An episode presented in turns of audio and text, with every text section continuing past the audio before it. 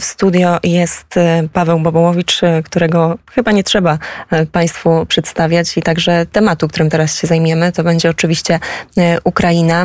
Myślę, że może zacznijmy od takiego pozytywnego akcentu. Chodzi oczywiście o udaną kontr kontrofensywę ukraińskiego wojska.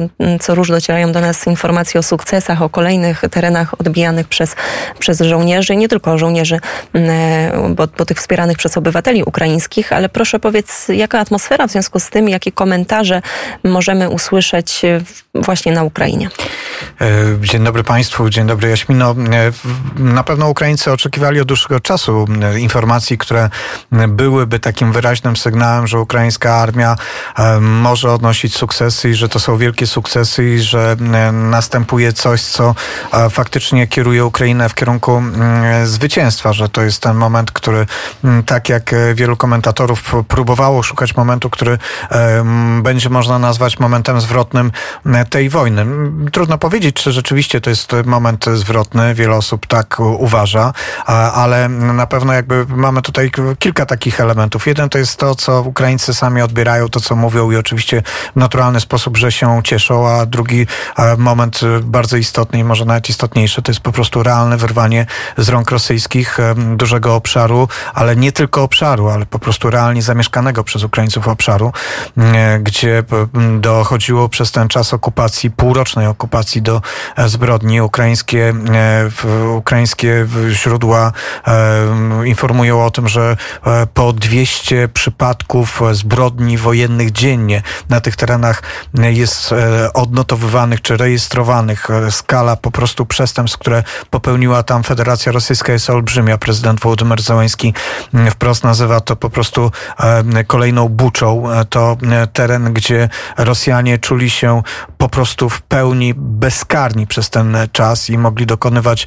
e, wielu różnych rzeczy, niewyobrażalnych rzeczy, bo to oczywiście były kwestie mm, przesłuchań, poszukiwania e, i tropienia e, wszystkich relacji, związków z armią ukraińską, a przecież ten teren po prostu zamieszkiwali Ukraińcy. To oczywiście takie związki, relacje były, bo w ukraińskiej armii, armii służyli krewni, bliscy, znajomi, sąsiedzi tych osób, które na tych terenach mieszkali. Rosyjskie służby te osoby przesłuchiwały, katowały. E, niestety wiadomo, że e, dochodziło do tych najcięższych zbrodni e, na tych terenach i też na to należy spojrzeć w takich kategoriach, że zwolnienie tych terenów to nie tylko sukces armii w takim rozumieniu pokonania wroga, wyparcia sił rosyjskich, zdobycia nieprawdopodobnej liczby sprzętu. Mówi się o tym, że Rosja stała się teraz piątym z dostawców sprzętu dla ukraińskiej armii przez to właśnie, przez ten sprzęt, który tam straciła, który pozostawiła, ale to też ten element społeczny. To po prostu są tereny, które zostały wyrwane z tej brutalnej e, okupacji rosyjskiej razem z ludźmi, którzy tę okupację musieli przeżywać.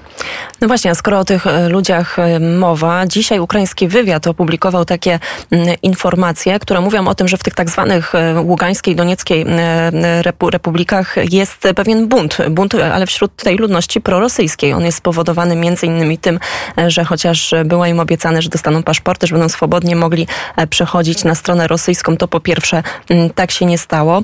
E, po drugie też kolejna taka informacja, że właśnie w związku z, tym, z, tym, z tymi zmienionymi, mm, pogarszającymi się nastrojami społecznymi wśród prorosyjskiej e, ludności, że wojska rosyjskie mogą już nawet 1 grudnia opuścić te tereny, pozostawić je oczywiście w rękach tych separatystów, ale właśnie same wojsko mogą już wyjść. Czy ty takie komentarze słyszałeś, czy być może zderzyłeś się z taką narracją? No oczywiście, rzeczywiście jest to ta, ta informacja, która e, jest publikowana E, w mediach ukraińskich, ale e, pomijając jakby kwestię tego, czy wojska rosyjskie wycofają się z tych terenów, czy nie, bo tutaj może być pewien taki element dezinformacyjny, który stosuje Ukraina i trzeba zrozumieć, że to jest naturalne i oczywiste wręcz nawet, że w sytuacjach wojny Ukraina różne rzeczy przemyca do przestrzeni publicznej, przestrzeni informacyjnej.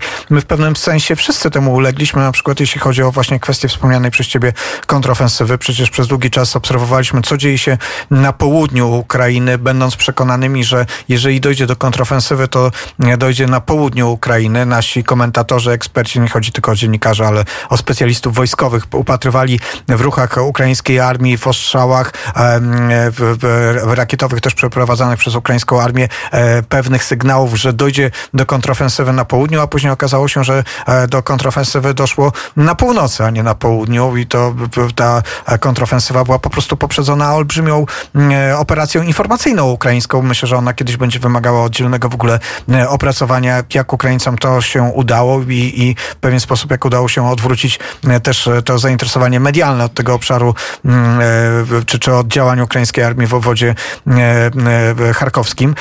W związku z tym też tak trzeba czasami spoglądać na te informacje, które docierają ze strony ukraińskiej, ale nie ulega żadnej wątpliwości, że atmosfera na tych terenach, które są okupowane od 2014 roku, które nazywają się Doniecką, Ługańską Republiką Ludową, ale też na okupowanym e, Krymie zmienia się z kilku powodów. Po pierwsze, e, rzeczywiście e, mężczyźni z tych terenów są wcielani do armii, służą i giną.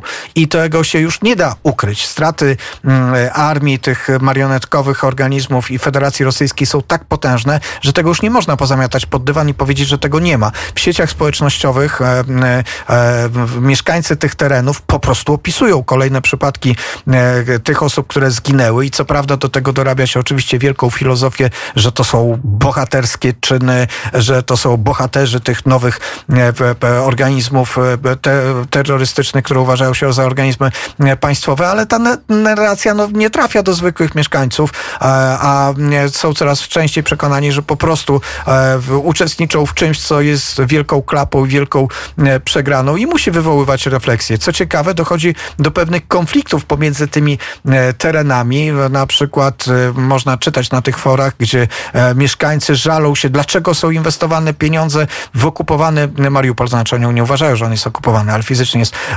okupowany. A dlaczego te pieniądze nie idą do Donieckiej, tak zwanej Donieckiej Republiki Ludowej? Skarżą się między sobą. Dochodzi do jakichś protestów. No, wcześniej nie było tych, tych konfliktów, bo było wszystko dobrze, a w momencie, kiedy zaczyna to się sypać, to rzeczywiście tych konfliktów będzie e, coraz więcej. Nie ma łupów, którym chcieli się dzielić, tylko jest po prostu żal i gorycz, którą się nie chcą e, dzielić i, i każdy chce i zacznie i będzie szukał e, odpowiedzialnych za to, co się wydarzyło.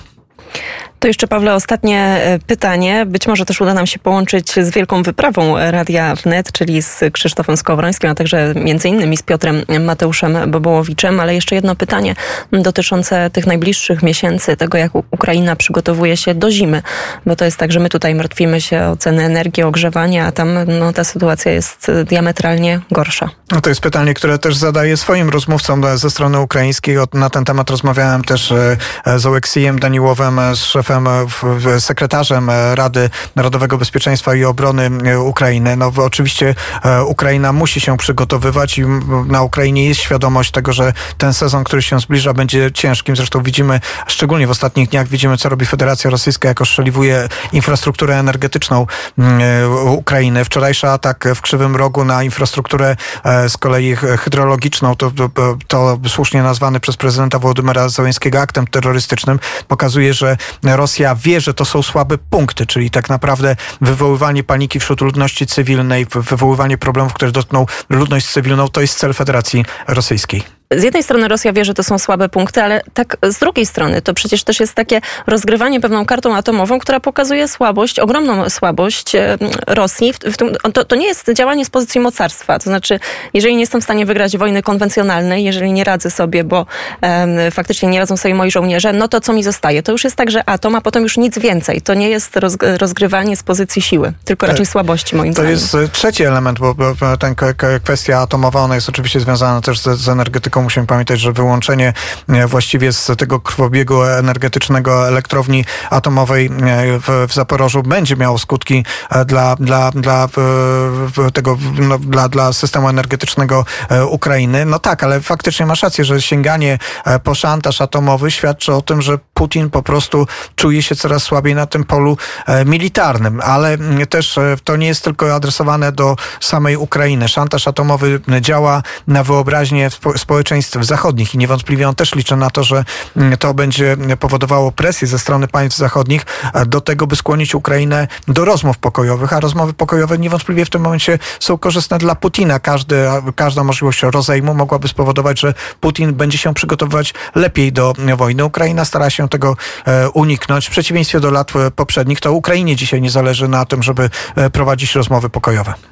Bardzo serdecznie, Pawle, dziękuję za komentarz. Paweł Bobołowicz, dziennikarz dziennikarz, publicysta, bardzo dobrze znany słuchaczom Radia Wnet, chociażby ze studia Kijów, a także z relacji od początku tej rosyjskiej inwazji na Ukrainę. Bardzo serdecznie dziękuję. Dziękuję i zapraszam do słuchania jutro raportu z Kijowa o godzinie 9.30. I my się do tego zaproszenia dołączamy.